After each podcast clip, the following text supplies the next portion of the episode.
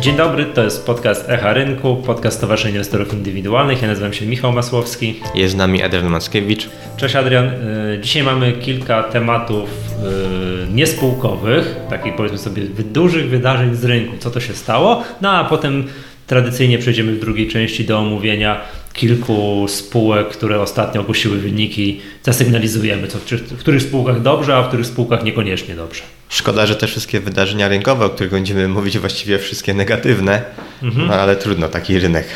Y, o tych trzech takich tych rynkowych, tak, tak, rynkowych to są no wszystkie wydarzenia negatywne. Chcielibyśmy no, no powiedzieć, bo nie wiem, to może nie wszyscy słuchacze śledzą na bieżąco newsy, tak, a, a to jest dosyć istotne.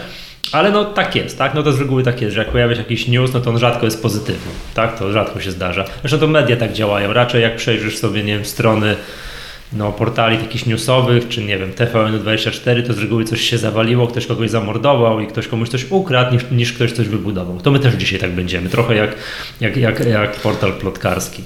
Tak, tak, trochę nam się rynek rozpadł w ostatnich Tak, my tylko sekcję, my tylko sekcję towarzyską ominiemy, a tak poza tym to, no to przejdźmy do tych wszystkich podpaleń i innych tragicznych newsów. Pierwszy, czy tragiczny, no news jak news, tak? Pierwszy jest taki, że kończy swoją działalność, chyba tak należałoby to powiedzieć, dom maklerski Westors. Znany od lat. Tak? To jest dom maklerski taki trochę powiedziałbym bez obsługi klientów detalicznych, czyli że nie jest taki dom maklerski jak no nie wiem, że można pójść, założyć rachunek i handlować akcjami na giełdzie. Oni nie zajmowali się takim typowy, typową obsługą klientów detalicznych. To jest dom maklerski, który zajmował się tworzeniem analiz i oferowaniem zajmował się, już tak mówię, w czasie przeszłym. No już jeszcze chwilę zajmuje się. Znaczy właściwie teraz wygasza tylko działalność mhm. po decyzji KNF-u, więc można powiedzieć zajmował się. Tak, Raczej na... tu już nowych inicjatyw nie będzie. Tak, że na rynek gruchnęła w tym tygodniu wieść, że KNF nałożył na nich karę finansową, maksymalną jaką mógł w danych warunkach no zakładam jakieś prawo regulowało. regulowało. No są te górne limity kar. Tak, 1,7 miliona złotych, no ale to już to jest, najmniej, to jest najmniejszy problem w tym momencie, a także nakazał zakończenie działalności maklerskiej, no co de facto kończy działalność e, domu maklerskiego Westors za, jakbyś mógł Adrianie przybliżyć, co, co takiego zmalował dom, co Westorsi zmalowali. No chodziło o e, emisję, czy właściwie świadczenie usług emisji e, obligacji spółki FAS Polska.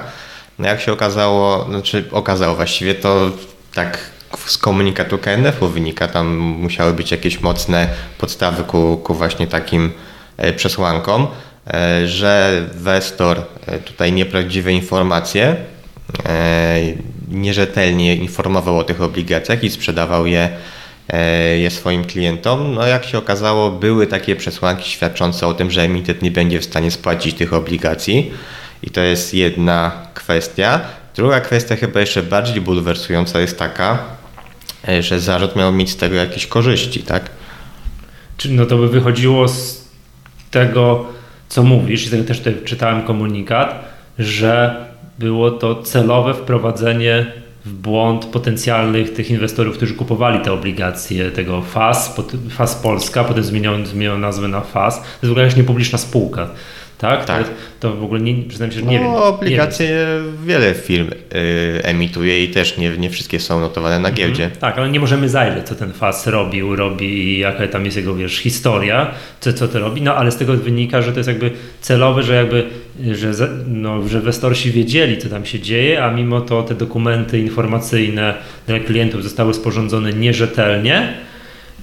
No i już, tak? I to w zasadzie wystarczyło. Przyznam się szczerze, że kara jest bardzo Mm, bardzo drastyczne. Zakładam, że mogłaby, mówię o tym nakazaniu, cofnięciu zezwolenia na prowadzenie działalności maklerskiej. Zakładam, że to była jakaś pomyłka, niecelowe działanie. No to KNF by łaskawszym okiem na to spojrzała, a jeżeli to jest aż cofnięcie de facto po jednym wydarzeniu, aż cofnięcie zezwolenia na prowadzenie działalności maklerskiej, to by wynikało z tego, że to było celowe wprowadzenie klientów w błąd. No to czyli no to jest no grubo, tak? Co tu dużo mówić. To jest poważny, jedna, bardzo poważny zarzut. Jedna kwestia taka, że nawet to chyba nie chodzi o to, że to było jednorazowe, tylko jakby ta firma kilka obligacji uplasowała i z tego co rozumiem ten komunikat to Westor tutaj właśnie w tych kolejnych emisjach też brał udział, więc to nie była jedna emisja, tylko kilka, jak rozumiem.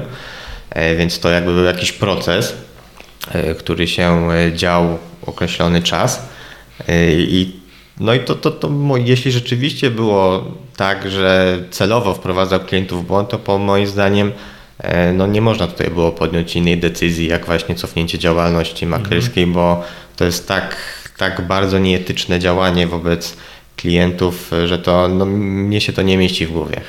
No już boli, piszczy, a to to ciężko się mówi o czymś takim. Tak? I tym bardziej tak. mówimy właśnie o domie maklerskim, który już tutaj mimo wszystko no gdzieś... E, z historią. Z historią, z e, jakąś renomą, pozycją już na tym rynku zbudowaną, którą też e, no, poświęcił trochę czasu na budowanie właśnie tej pozycji.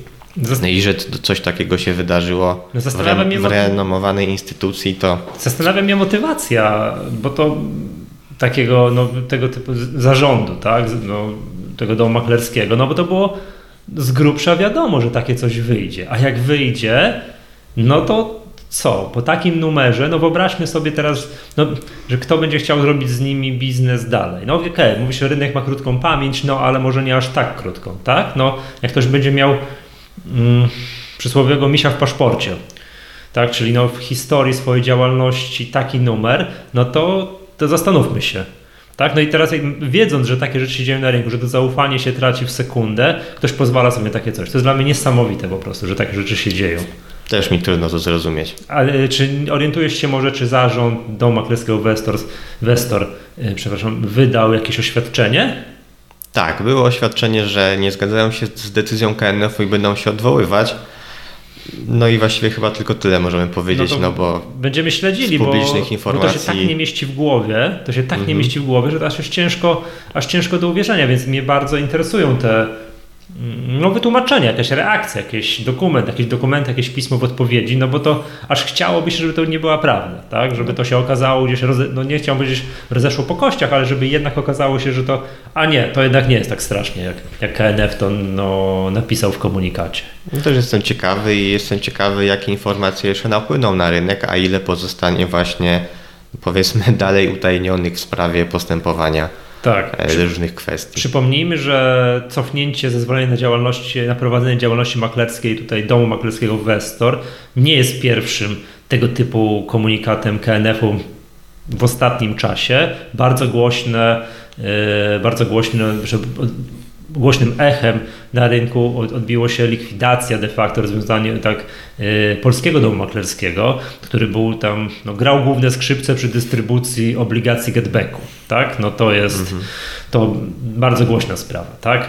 Że no, wychodziło na to, że te wszystkie te dokumenty tworzone pod, pod mm, obligacje getbacku były tworzone w sposób nierzetelny. Wydawało się, że to jest solidna nauczka dla rynku, jak się okazuje niekoniecznie. Tak? Czyli akurat w, z polskim domem maklerskim chyba było też tak, że były jakieś powiązania między prezesem właśnie tego domu maklerskiego a prezesem Getbacku ówczesnego i że tam też były jakieś korzyści na, mhm. na tej linii. E, no ale trzeba też jednak zwrócić uwagę, że polski dom maklerski e, chyba półtora roku funkcjonował.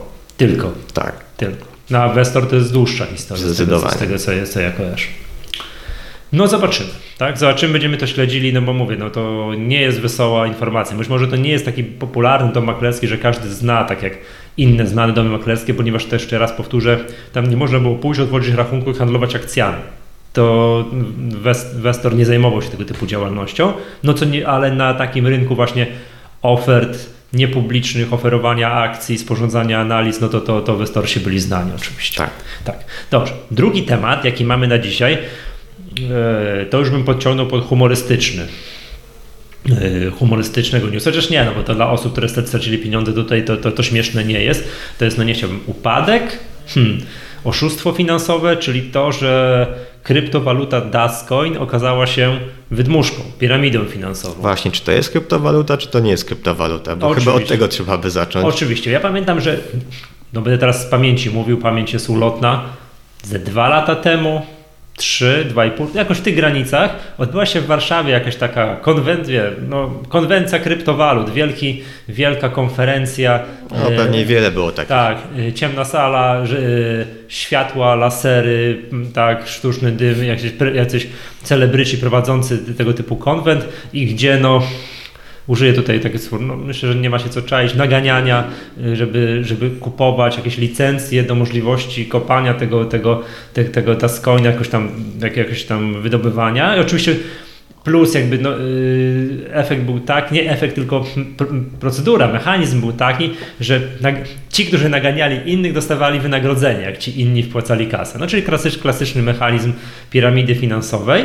Ja przyznam się szczerze, zainteresowałem się tylko tak, tak powiem z lotu ptaka.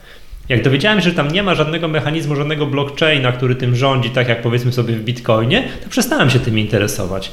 I no i jakby powiem tak, no nie dziwi mnie to, tak? Mogę teraz powiedzieć jak stary, doświadczony inwestor, a nie mówiłem, a nie mówiłem, natomiast yy, obudziłem się jakby, do, jeżeli chodzi o sprawę Dogecoina po raz kolejny, jak miałem okazję rozmawiać z kilkoma no naprawdę doświadczonymi inwestorami, no, dysponujący no, naprawdę sporą gotówką, którzy gdzieś w międzyczasie mówili mi, że zobaczysz, Dascoin to jest poważna sprawa, warto w to zainwestować. No ja otwierałem szeroko oczy, przyznam się szczerze. No nie chciałbym teraz wyjść jak tutaj stary znawca, a nie mówiłem, no bo dla tych ludzi to jest mało śmieszna sytuacja, tak?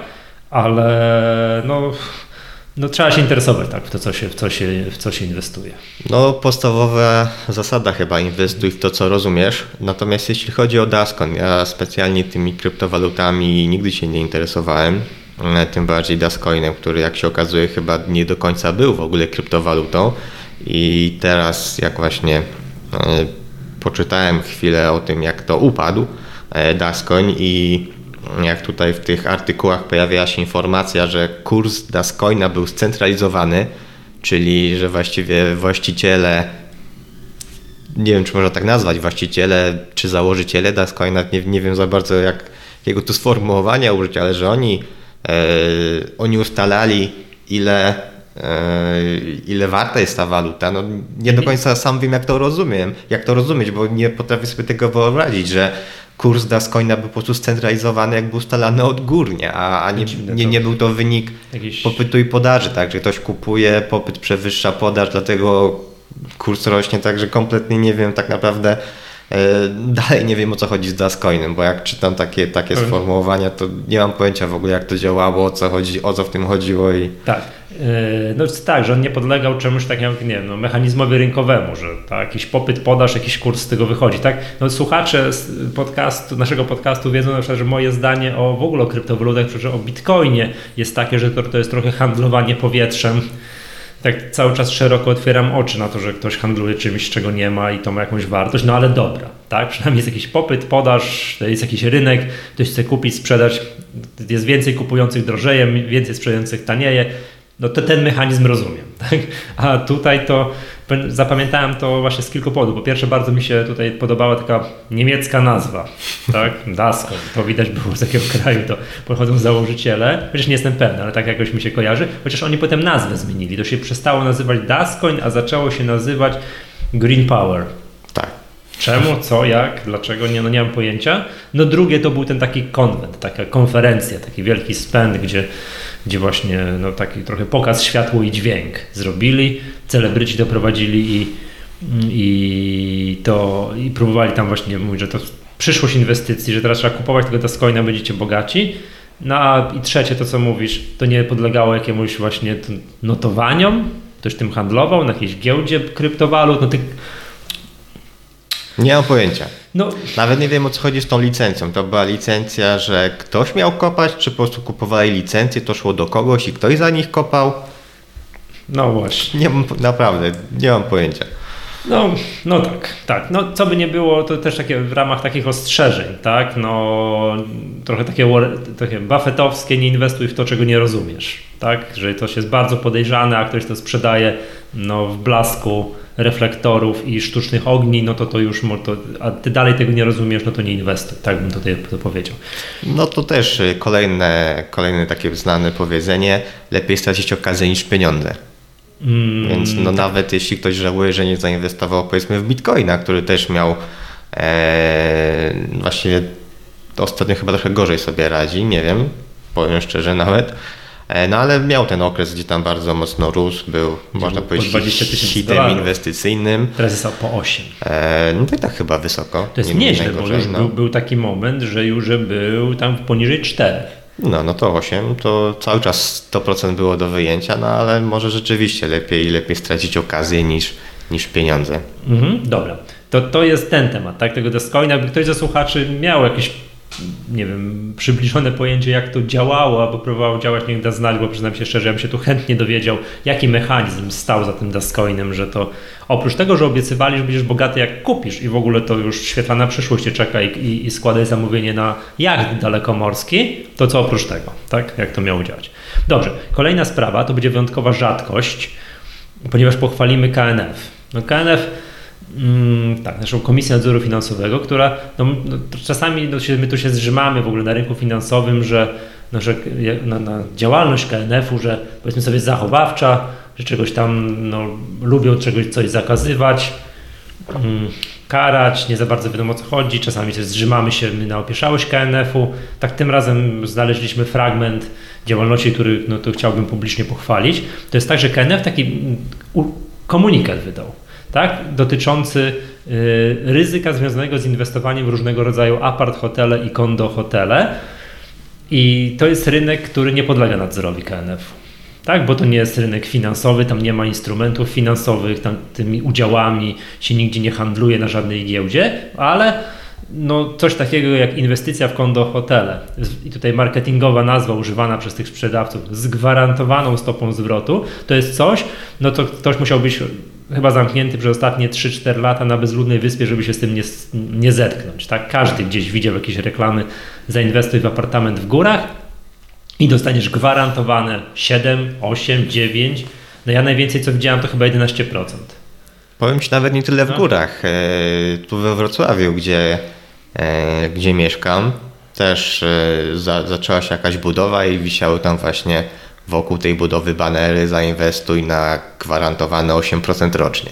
Tak. Jakieś takie małe pokoje na wynajem jednodzienne, czy takie ogólnie krótkie.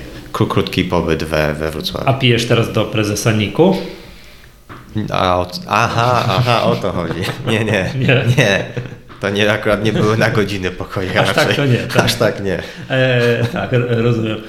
Dobra, pośmialiśmy się, wróćmy do tego, bo, no bo to, to jest właśnie, ten rynek nie podlega w ogóle nadzorowi KNF, tak? Ale jednak, skoro jest tu mowa o jakimś inwestowaniu, o jakimś gwarancji, jakichś stopach zwrotu, no to KNF się nad tym pochylił, no i wydał taki piękny, w sumie nie jest długi komunikat i powiem tak jak na e, komunikat pisany przez urzędników, napisany super fajnym, zrozumiałym, zrozumiałym językiem odnośnie tego właśnie tego ostrzeżenia. I to te fajne takie pięć punktów, nie pięć, tak, yy, napisali nas na sam koniec, czyli ten poradnik tego o zasadach rozsądnego inwestora. I pierwsze, super, bardzo mi się podoba, bo to ma zastosowanie nie tylko przy no przy tych apartamentach, przy kondohotelach, ale w ogóle w inwestowaniu, że nie ma czegoś takiego jak pewny dochód czy gwarantowany zysk. Takie hasła tylko marketing, by przyciągnąć Twoją uwagę. Każda forma inwestowania wiąże się z ryzykiem. I to jest to prawda i na tym rynku kondohoteli, no ja przynajmniej wiem o kilku dosyć poważnych wywrotkach albo o takich sytuacjach, że mm, operator, operator nieruchomości, gdzie inwestorzy tak, inwestorzy, ciężko nazwać inwestorami, no, ludzie z pieniędzmi, konsumenci usług finansowych nabyli jakieś, jakieś apartamenty, mają problem, żeby po pół roku zacząć dostawać swoje pieniądze, a co dopiero, a przecież te umowy są zawierane na wiele lat. Taka typowa umowa na zarządzanie to jest około 10-letnia, to są 10-letnie umowy, no a ktoś tam przez pół roku płacił, po pół roku przestał płacić, tak? Bo ja nie widziałem na Twitterze, ktoś wymieniał się uwagami i nie pamiętam kto to napisał właśnie, że opinię koleg, y, nie swoją, tylko jednego ze swoich kolegów, który, który zainwestował w taki apartament na wynajem. To bardzo fajne było takie sformułowanie, że mm, chcesz poczuć ból, to przyczaśnij sobie tam nogę drzwiami, czy coś takiego. Tak będzie łatwiej, i taniej, tak, niż kupowanie takiego, takiego kondo hotelu. No to nie różni się niczym od kupowania akcji, tak? Kupujesz akcję dobrej, pewnej spółki, to masz święty spokój. Kupujesz akcję czegoś, nie wiadomo czego, czego nie rozumiesz, co jest, i no to będziesz cierpiał tak jakbyś kupił kondo hotel, czy tam tak apartament w kondo hotelu, nie wiadomo gdzie i nie sprawdził tego dokładnie, tak? W jakiejś koziej wólce, gdzie nie ma szansy żaden turysta przyjechać. Nie wiem, czym to porównał bezpośrednio do inwestowania w akcje, bo jednak akcje zmieniają wartość właściwie każdego dnia i też tam wiele czynników wpływa na, na, A, na to, jak jest cała masa. A no tu tak, kupiłeś tak. nie wiadomo, ile to jest warte. a wydałeś no, wielokrotnie więcej. Tak? Zgadza się, natomiast teoretycznie kupując akcje też nie wiesz ile, ile one są warte. Możesz próbować jakoś je oszacować, ale też na ile rynek je wyceni, to, to też jakby jest e, zawsze jakaś niepewność. Natomiast zdecydowanie jakby wymóg kapitałowy, żeby zainwestować w akcje jest zdecydowanie mniejszy i wcale nie trzeba tutaj Ale oczywiście, bo jak zainwestujesz w akcję, no nie wiem, no zamknę jedno oko, małą kwotę, 1000 Mhm. złotych i stracisz nawet 1000 złotych, no to nie jest powód... to jest do przeżycia. Tak, no to nie musisz szukać, że tak powiem, najwyższego wieżowca w okolicy. Co trzeba przyznać, że jednak mimo wszystko trudno jest stracić e, 100% kapitału inwestując w akcje. Tak, tak. Powiedzmy Oczywiście, ale nawet takie. Jakbyś stracił całe 1000 złotych, no to popłaczesz w poduszkę ze dwa dni i ci przejdzie, tak? No nie jest to kwota, którą bałbym się powiedzieć żonie, że straciłem 1000 złotych, tak? Zgadza A te, jednak te apartamenty, no to zawsze idzie- są kwoty no, liczone w kilkaset tysięcy. To, to przeczytam szybko te pozostałe mm, zasady, jakby te podstawowe zasady rozsądnego inwestora według KNF-u. Drugie to jest sprawdź kontrahenta. Oczywista sprawa, tak? Trzecia, zweryfikuj, co, co kupujesz, tak? Czyli, czy, no co tak naprawdę, co, co, kupi, co kupiłeś, tak? Jakie masz te prawa właścicielskie, yy, no, gdzie jest ten apartament, co, czy tam mają szansę jak- jakiekolwiek klienci, yy, klienci yy, przyjechać i tak dalej. Tak, ten punkt mi się też podoba, No. bo tutaj jest takie pytanie retoryczne, czy jesteś właścicielem, współwłaścicielem, a może po prostu dajesz komuś pieniądze i tak naprawdę nie jesteś właścicielem niczego, tak A to naprawdę. jest czwarty podpunkt fajny. Przeczytaj zanim podpiszesz. Tak? Bo te umowy deweloperskie no, mają takie po kilkadziesiąt stron i one są naprawdę e, naprawdę długie i no warto to jakiemuś prawnikowi dać, zwłaszcza, że jak mówimy, nie kupujemy niczego nawet za 500, za 1000 czy tam za 10 tysięcy, tylko najczęściej za kilkaset tysięcy. No i następny ten, tutaj jest zysk 7-10%, a koszty, no te 10% w skali roku to brzmi super atrakcyjnie. Można by, sobie, można by sobie zadać pytanie, skoro jest biznes 10%, ktoś jest w stanie tyle wypłacać klientom, to po co to sprzedaje? Okej, może to jakaś forma inwestowania, jakaś forma pozostawienia kapitału, aczkolwiek, yy, aczkolwiek no, to no, brzmi aż za podejrzanie. To ile obligacje getbacku dawały? 9? E, To zależy jeszcze komu. Detalowi to chyba nawet 12 i więcej. Niektóre serie. I już się mówi po, po doświadczeniu getbacku, jeżeli ktoś oferuje Ci tych obligacjach na rynku bardzo dużo, pytanie, zawsze jest pytanie, a ile to jest bardzo dużo? 8, 9, 10%, no to się obudź i sprawdź, czy na pewno, czy ryzyko nie jest za duże. No dzisiaj to nawet już 6% to jest dużo, tak? No Tak. bo mamy stopy mimo wszystko dość niskie i tutaj też jest to bardzo uzależnione e, od, e, od właśnie od stóp procentowych i od tego, tak już patrząc czysto z punktu widzenia klienta detalicznego, od tego ile banki oferują na lokatach. No, ale Więc zobacz, e, im, tak, ale im zobacz, bardziej to odbiega właśnie od lokat, tym bardziej ryzykowne. Tak, ale zobacz, budzimy się bo przy okazji obligacjach po- po doświadczeniach getbacku, że 6% to może być dużo, a w ogóle ludzi nie razi to, że ci sprzedający te konto hotelu oferują 7, 8, 9%, no to jest git, to w porządku. Niestety to pokazuje chyba właśnie stan y, edukacji finansowej Polaków, myślę nie tylko Polaków, e, że nie jest on e, zbyt wysoki i zbyt łatwowiernie chyba, e, no nie, nie wiem jak to powiedzieć, jesteśmy zbyt łatwowiernie podchodzimy do tych gwarancji stóp zwrotu, nie zastanawiamy się na czym druga strona zarobi, czemu daje nam aż 10. Tak, no to E, trzeba, Nie, nie rozumiemy tego przede wszystkim, jak to działa wszystko. albo nie chcemy rozumieć. Albo nie chcemy, Nie bo, chcemy bo, rozumieć. bo chcemy po prostu te 10%. Nie wiem, Tak. może właśnie e, tak bardzo chcemy zarobić, gdzieś ta chciwość się pojawia. No, no jest to szczególnie najbardziej mnie w tym wszystkim dziwi fakt, że często przy okazji właśnie takich e, naganiaczy em, ci pokrzywdzeni mówią, że tam stracili pieniądze całego życia, tak, cały majątek. To to mnie najbardziej dziwi, bo jakby inwestowali jakąś część, no to jeszcze tam przymykając jedno oko, no może chcieli trochę więcej zarobić, no ale że cały majątek życia, Tak, że to, ktoś to, wy- na, tak, ktoś to wy- mnie najbardziej zawsze zastanawia. Dokładnie. Jak ktoś stracił niewielką część, to może powiedzieć, no dobra, ktoś wydaje pieniądze na skoki spadochronowe, bo to jest jego hobby, on tam traci pieniądze, a ktoś wydaje, ktoś lubi tracić pieniądze na giełdzie. No i dobra, ma takie hobby, to nadwyżki finansowe. Ale to co mówisz, jak ktoś wydaje, nie wiem, kilkaset tysięcy na taki apartament i on jeszcze oszczędzał i się zadłużył i w ogóle, no to to już jest podejrzane. Tak, no to już jest naprawdę, to otwieram szeroko oczy, ale jak to? Jak to jest możliwe, że tyle pieniędzy bez sprawdzenia, bez I właśnie też właśnie tak zastanawiam się, czy ktoś robi jakikolwiek research, czy tak mówiąc kolokwialnie na ładne oczy e, Mhm. po, podpisuje taką umowę. inwestuje. Dokładnie.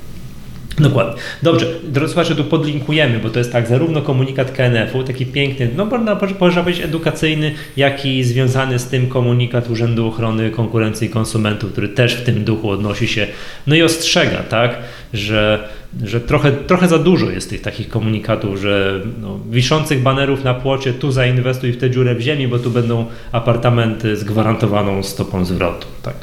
Dobrze, no i to jest mm, z tych takich, no, nazwijmy to newsów rynkowych wszystko. Mamy kilka spółek do omówienia, no i to, to tak w dużym skrócie.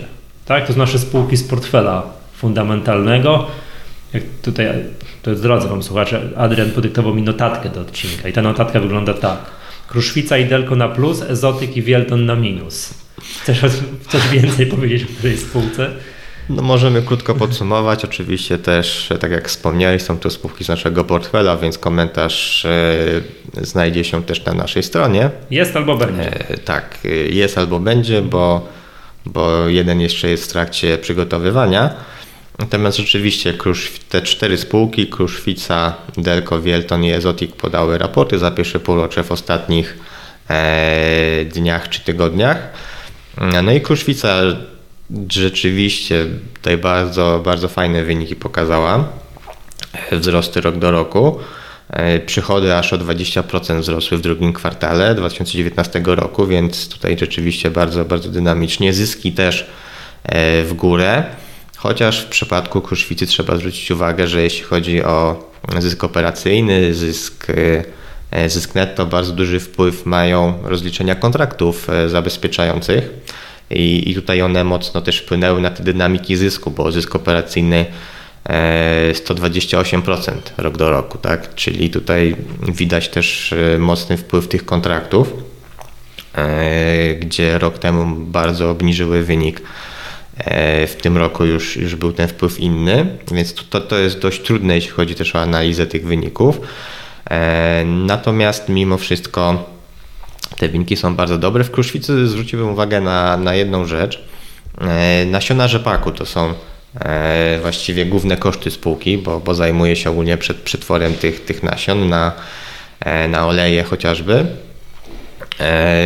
I tutaj zatowarowanie w większości e, odbywa się w okresie lipiec-sierpień, mhm. czyli, czyli ten czyli okres teraz. wakacyjny, tak? okres e, zbiorów. E, no i to tak naprawdę będzie miało bardzo duże wyniki praktycznie na cały kolejny rok, kolejne 12 miesięcy. No i tutaj trochę pozostaje niewiadomą, po jakich cenach udało się spółce w tym okresie lipiec-sierpień zatowarować. No a to będzie oczywiście mocno oddziaływało na marże w kolejnych okresach. Czekaj, czy ta Kruszwica to jest kolejna spółka, w których bardzo gorące lato może mieć wpływ na działalność? E, de facto można powiedzieć, że tak. E, jest bo zbiory, zbiory rzepaku są mniejsze niż przed rokiem. Natomiast spółka e, spółka. Po, z drugiej strony taki krótki komentarz pojawił się też w sprawozdaniu, że Decyzje sprzedażowe producentów e, są takie, że nie wstrzymują się oni ze sprzedażą nasion rzepaku. No i tutaj spółka podsumowała, że e, będzie miała mniejsze trudności w pozyskaniu tego surowca w kolejnych kwartałach. A, ale to jest pozytywny komunikat. Tak, to już jest raczej pozytywny komunikat, natomiast dalej nie za bardzo mówi, jakie będą ceny tego pozyskania, ale przynajmniej nie będzie trudności. Jestem ostatnio. Czy będą mniejsze te trudności? Ostatnio uczulony na spółki, które jako no jakiś problem z działalnością, podaje, że lato było za gorące, wiosna była za zimna, a lipiec był jakiś tam, tak, za suchy i tak dalej, i tak dalej. Bo zimy są zbyt ciepłe, powinno być bardziej zimno. Tak, patrz CCC, bo CCC każde wahnięcie in minus na sprzedaży tych butów podaje, wytłumaczenie jest takie. Yy, wiosna była za ciepła i tam za małe pluchy by, było, było i ludzie nie chcieli kupować nowych butów. Z kolei jak wiosna była deszczowa, to była za duża plucha i też właśnie jakiś powód, że ludzie coś tam nie chcieli kupować nowych butów. To też to zawsze jest. Nieważne, w którą stronę jest, to zawsze jest albo za, za ciepłe, albo za deszczowa, za deszczowe wiosnę lub, lub lato. A no. jak już mówimy o CCC, to ostat... bodajże wczoraj czy dzisiaj pojawiła się informacja w ESPI, że spółka zmieni rok obrotowy. Tak. Będzie od lutego do stycznia, żeby właśnie bardziej dostosować rok obrotowy do tych y, pór roku wprowadzenia nowej kolekcji. Widziałem. Żeby było prościej to analizować. Widziałem, widziałem, tak, zgadza się. No i jeszcze a propos wpływu pogody i takich komunikatów, że gorące lato powoduje problemy, no to patrz, bankructwo Tomasa Cooka i naszego polskiego Neckermana, tak, który zostawił, znaczy Neckerman to nie wiem, ale ten Thomas Cook 500 tysięcy ludzi na całym świecie gdzieś? I dzisiaj już widziałem artykuł, tylko nie pamiętam gdzie, yy, że poszczególne kraje wręcz, te takie turystyczne, mogą mieć problemy. Że to są tak gigantyczne pieniądze, ten Thomas Cook zostawiał u nich, plus płatności jak Tesco z 90-dniowym terminem płatności, że może się zdarzyć, że całe miasta, całe, całe grupy hotelowe w ogóle nie dostaną wynagrodzenia za, za okres wakacyjny.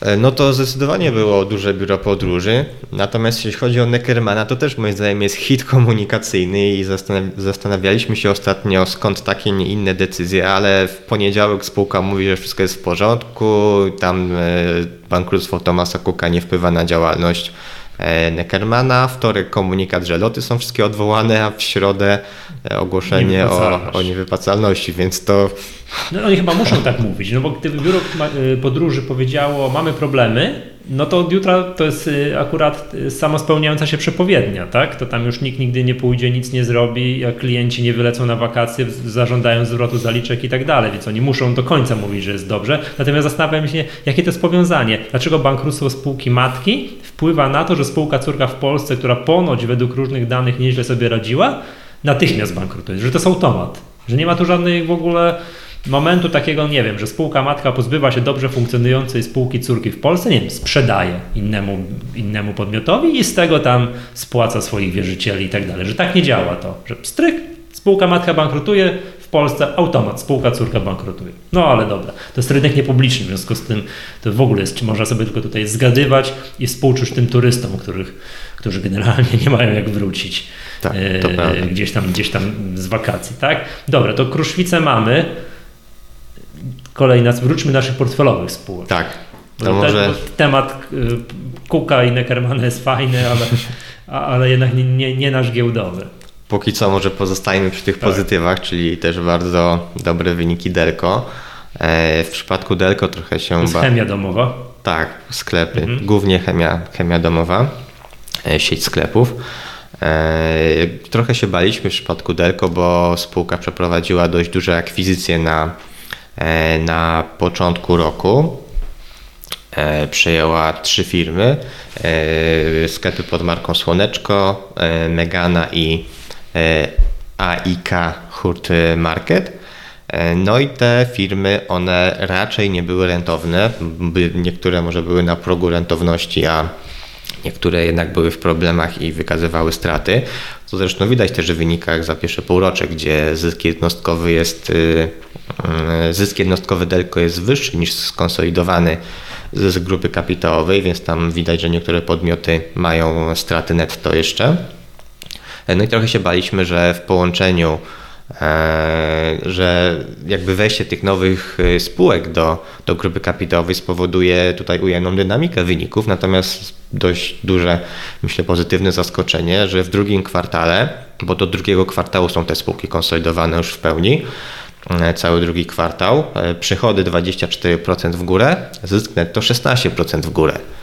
Więc tutaj. Czyli w porządku. Tak, jak, jak najbardziej w porządku i e, z tego, co dało się wyczytać z listu prezesa do akcjonariuszy, że strukturyzacja spółek przejętych trwa, idzie nie najgorzej, co właśnie chyba też trochę, trochę pokazują te, te wyniki. No i jeśli ta tendencja utrzyma się w kolejnych kwartałach, to e, no myślę tutaj pozytywne, e, po, po, pozytywnie by to działało na kurs akcji, który zresztą też wydaje się tak. dość dobrze zareagował na, na ten raport. Właśnie chciałem powiedzieć, że bardzo z lotu ptaka Delko mi się podoba, bo kurs jest dobrze wygląda, e, dywidenda dobrze wygląda, czyli to jakaś regularność. tak, jest regularność i nominalnie tak? coraz wyższa. Tam kilka groszy jest, jest z roku na rok powiększana. To, co mi się nie podoba, to mi się nie podobają obroty na tej spółce. Dla przykładu dzisiaj, tu siedzimy, jest piątek, co prawda, no wiadomo, tak, piątek, weekendu, początek, no dla, ale... dla tej spółki nie do końca ma to wpływ, że to jest piątek czy poniedziałek. E, e, Rozumiem, jest 12, no połowa sesji już zaraz tutaj za nami, tak, obrót 34 akcje 296 zł. Za ile mamy to delko, gdyby trzeba było wychodzić? E, To znaczy Za ile pieniędzy? 2000 około w fundamentalnym. To patrząc za to takie są obroty, można byłoby zatrząść kursem. No Tak, to akurat trzeba przyznać, Delco nie jest pełną spółką. E, No i tutaj e, są sesje, gdzie rzeczywiście te obroty się zwiększają, ale, ale co do zasady e, płynność jest niska. Wczoraj były, widziałem wyższe obroty. To... No, po raporcie. A, po raporcie. Po raporcie. No i od razu kurs mm, ładnie, do góry od razu widziałem. No Bardzo. tak jak mówię, myślę, że to, fajnie. to było takie pozytywne zaskoczenie, te wyniki. Dobrze, no to, to było to na plus, tak? Czyli, e, czyli Kruszwica i Delko na plus, teraz e, Joanna Krupa, tak? Mhm. Dalej, przepraszam, Joanna Krupa, Joanna cały e, czas. tak, z Ezotic, czyli spółka Ezotic i Wieldon Mhm. na minus.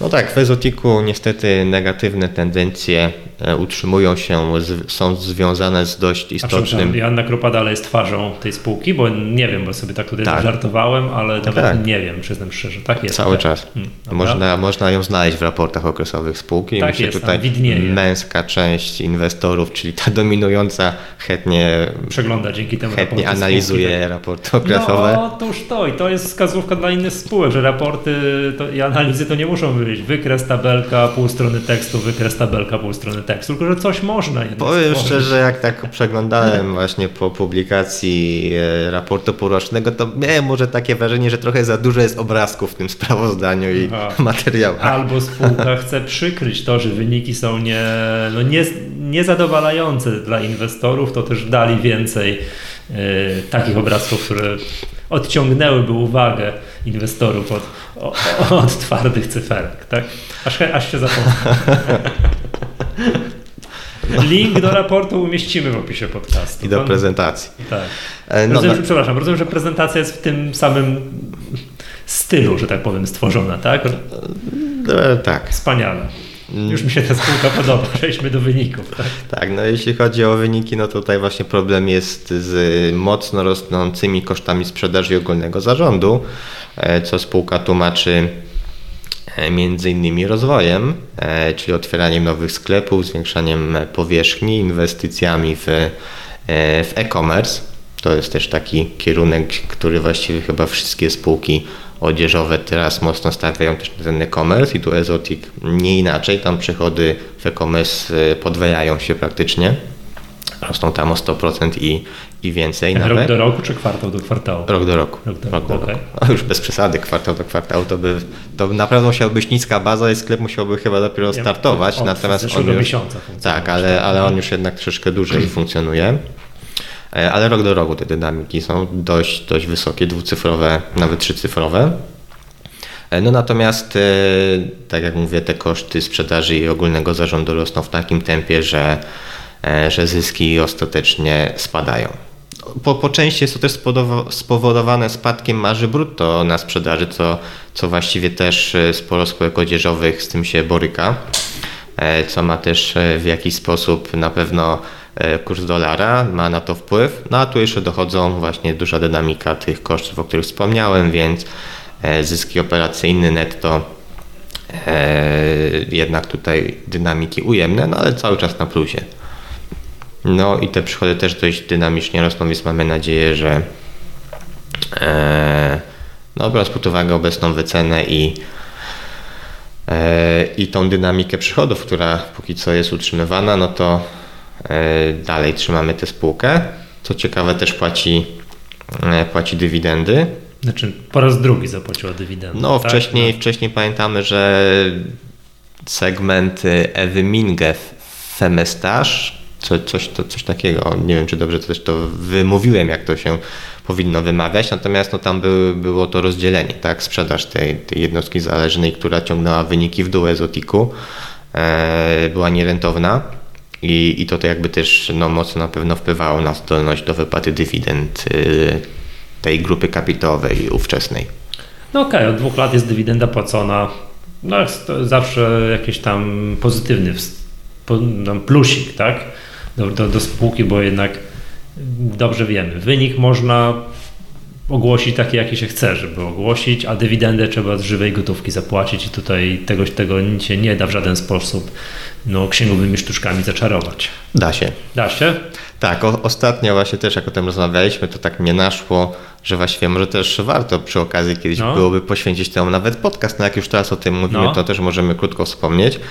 E, no, równie dobrze spółka może brać kredyt na wypłatę dywidendy i to nie jest zbyt, Bogdanka zbyt dobra. tak zrobiła kiedyś. Że brała kredyt na dywidendę? Tak, tak mi się wydaje, ale to musimy sprawdzić. No, na 90% Bogdanka, że yy, została przez Skarb Państwa spółka zaskoczona z poziomem przegłosowanej dywidendy na walnym i to lata temu, tam, to, nie, to nie jest świeża Bogdanka historia. przez Skarb Państwa, ona od niedawna jest Skarbu Państwa. Na pewno o Bogdankę chodziło? Wydaje mi się, że tak, że to jest, że tak, że tak, tak, tak, bo to nie jest świeża historia.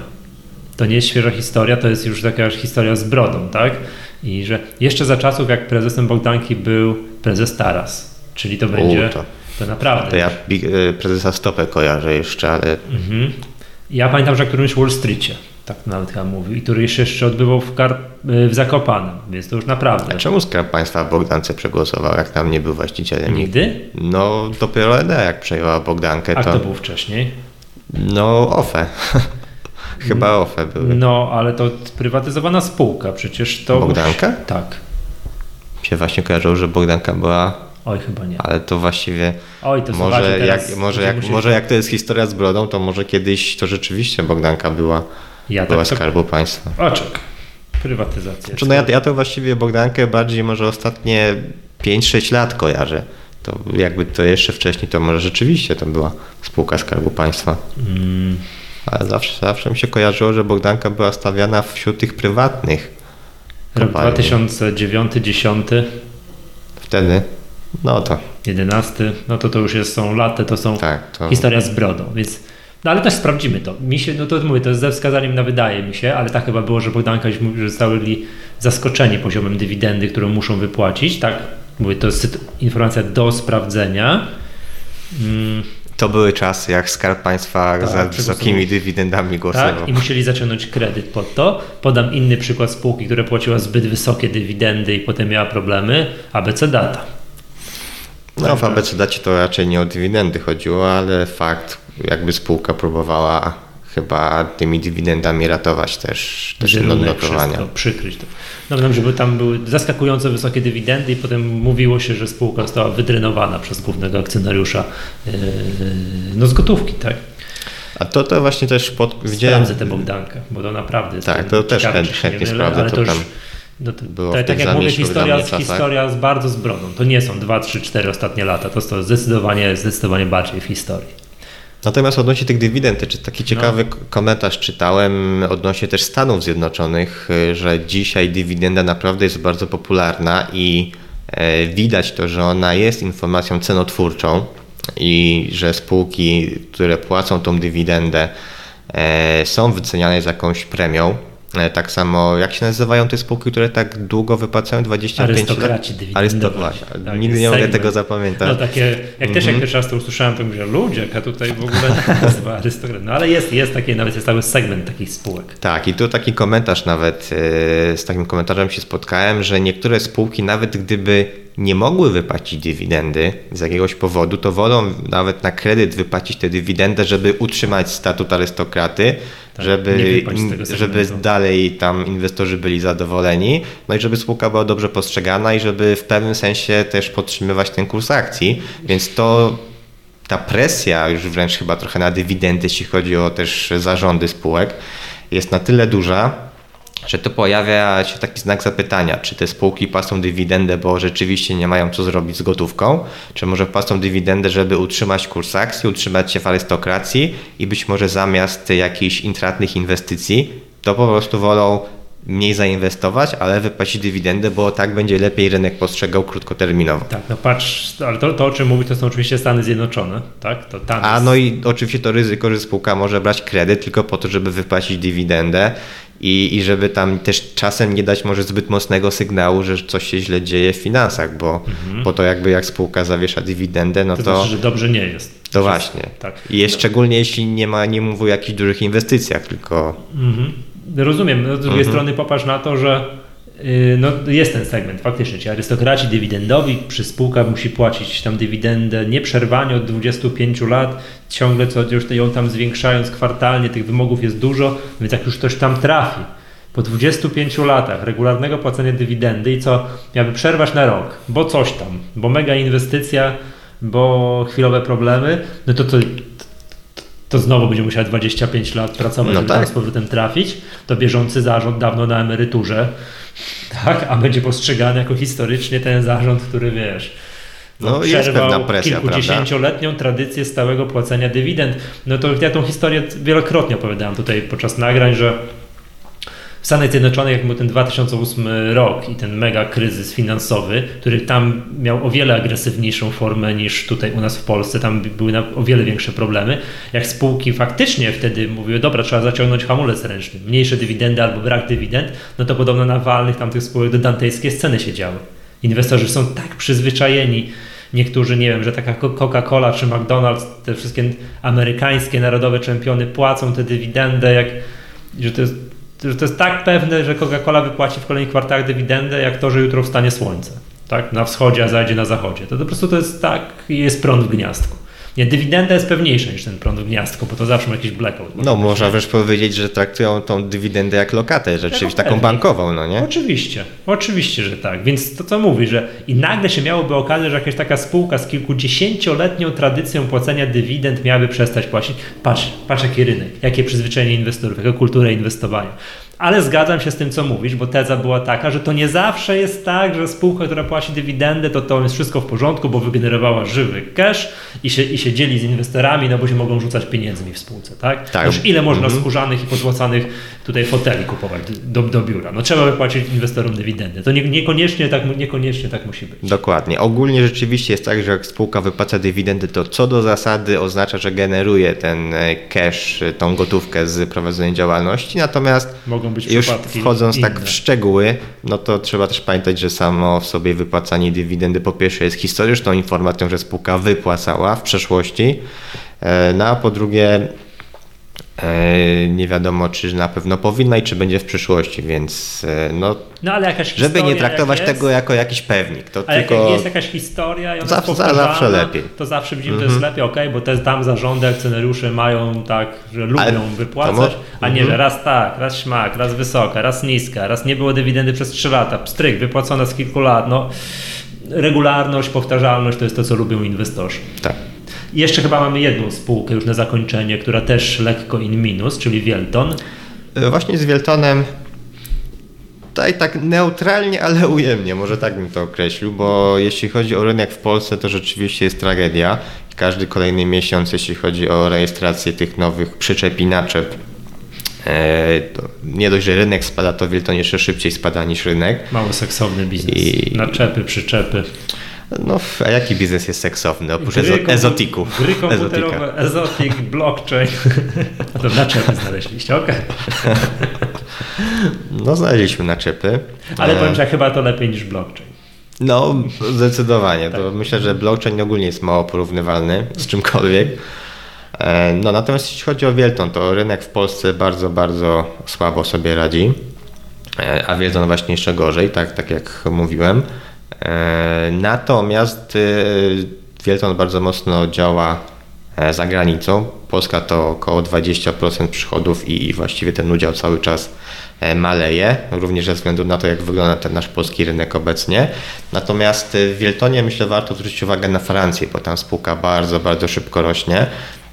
Tam spółka zależna, francuska, jest liderem rynku francuskiego i wręcz ten udział jeszcze zwiększa. Sprzedaje tam, ta sprzedaż bardzo ładnie rośnie we Francji i to mocno ratuje wyniki spółki. No i, no i cały czas akwizycje e, ostatnia miała miejsce właściwie w czwartym kwartale 2018 roku na rynku brytyjskim. E, I to też mm, e, no na pewno do przychodów mocno kontrybuuje i mocno, mocno te przychody rosną, bo w drugim kwartale 19 przychody wzrosły o 36% rok do roku. E, Więc to jest też po części efekt tych akwizycji. Natomiast tam jest duży problem z rentownością, e, bo wynik brutto na sprzedaży no, 4% w górę, czyli, czyli niezbyt wiele i tu spółka narzeka na koszty e, pracy, materiałów, wzrost tych kosztów. Dodatkowo przejęta spółka właśnie w Wielkiej Brytanii, ona ma niższą rentowność i tu spółka pracuje, żeby tą rentowność zwiększyć, wykorzystać efekty synergii. Więc e, wyniki póki co cały czas w górę, chociaż no, przychody rosną 36%, no wynik netto 11% tutaj urósł. Tam też jest kilka czynników jednorazowych, to można o tym doczytać też w komentarzu, do którego podlinkujemy. Natomiast wydaje się, że w tym 20 e, roku e, te efekty synergii mogą być coraz bardziej widoczne, tu chociażby z tą spółką brytyjską, tak? E, Obecnie na 19 rok e, zarząd planuje, że około 700 naczep tam, tam e, wyśle, natomiast w e, 2020 roku będzie to już około może nawet 3000, czyli że jakby całą produkcję przejmie, bo obecnie ta spółka pracuje, współpracuje z innym dostawcą z tamtejszego rynku, więc tu będzie pewnie będą widać, e, będą widoczne większe efekty synergii, co powinno wpłynąć na poprawę rentowności e, tej spółki i rentowności całej grupy. E, Także jest tutaj chyba jakiś potencjał cały czas. Wycena też no, jest coraz niższa, tak? No wykres mi się nie podoba, Tak, wykres- ale podoba mi, podoba mi się dywidenda. tak, dywidenda też, też spółka płaci. I w tym roku raczej była zamierza, najwyższa w historii. Z tego, raczej zamierza kontynuować tę politykę dywidendową. Eee, więc wydaje się, że, że tutaj potencjał je, jest cały czas, tak? No, wiadomo, że ten polski rynek, e, a tu akurat e, dane z rynku polskiego są co miesiąc, bo tam Związek e, Przemysłu Motoryzacyjnego co miesiąc e, publikuje te dane o rejestracjach i, i tak jak mówię, to naprawdę nie wygląda zbyt dobrze, ale tutaj zagranica póki co, no o zagranicy dowiadujemy się dopiero w raportach okresowych, jak, jak sobie radziła i póki co ten pierwszy, drugi kwartał, e, no szczególnie Francja tutaj e, bardzo dobrze sobie radzi. Dobra, to, to byłoby wszystko na dzisiaj. Do wszystkich rzeczy, do tych spółek, o których mówiliśmy, podlinkujemy. Niech mówię, tak jak mówiłem, niektóre, niektóre komentarze dotyczące tych wyników okresowych już są, a niektóre pojawią się. Są w trakcie tak, pojawią się w trakcie kolejnych tygodni. No i to wszystko, tak? To do usłyszenia następnym razem. Do, mam nadzieję za tydzień. To był podcast Echa Rynku. Ja nazywam się Michał Masłowski. Był z nami Adrian Mackiewicz. Do, do usłyszenia.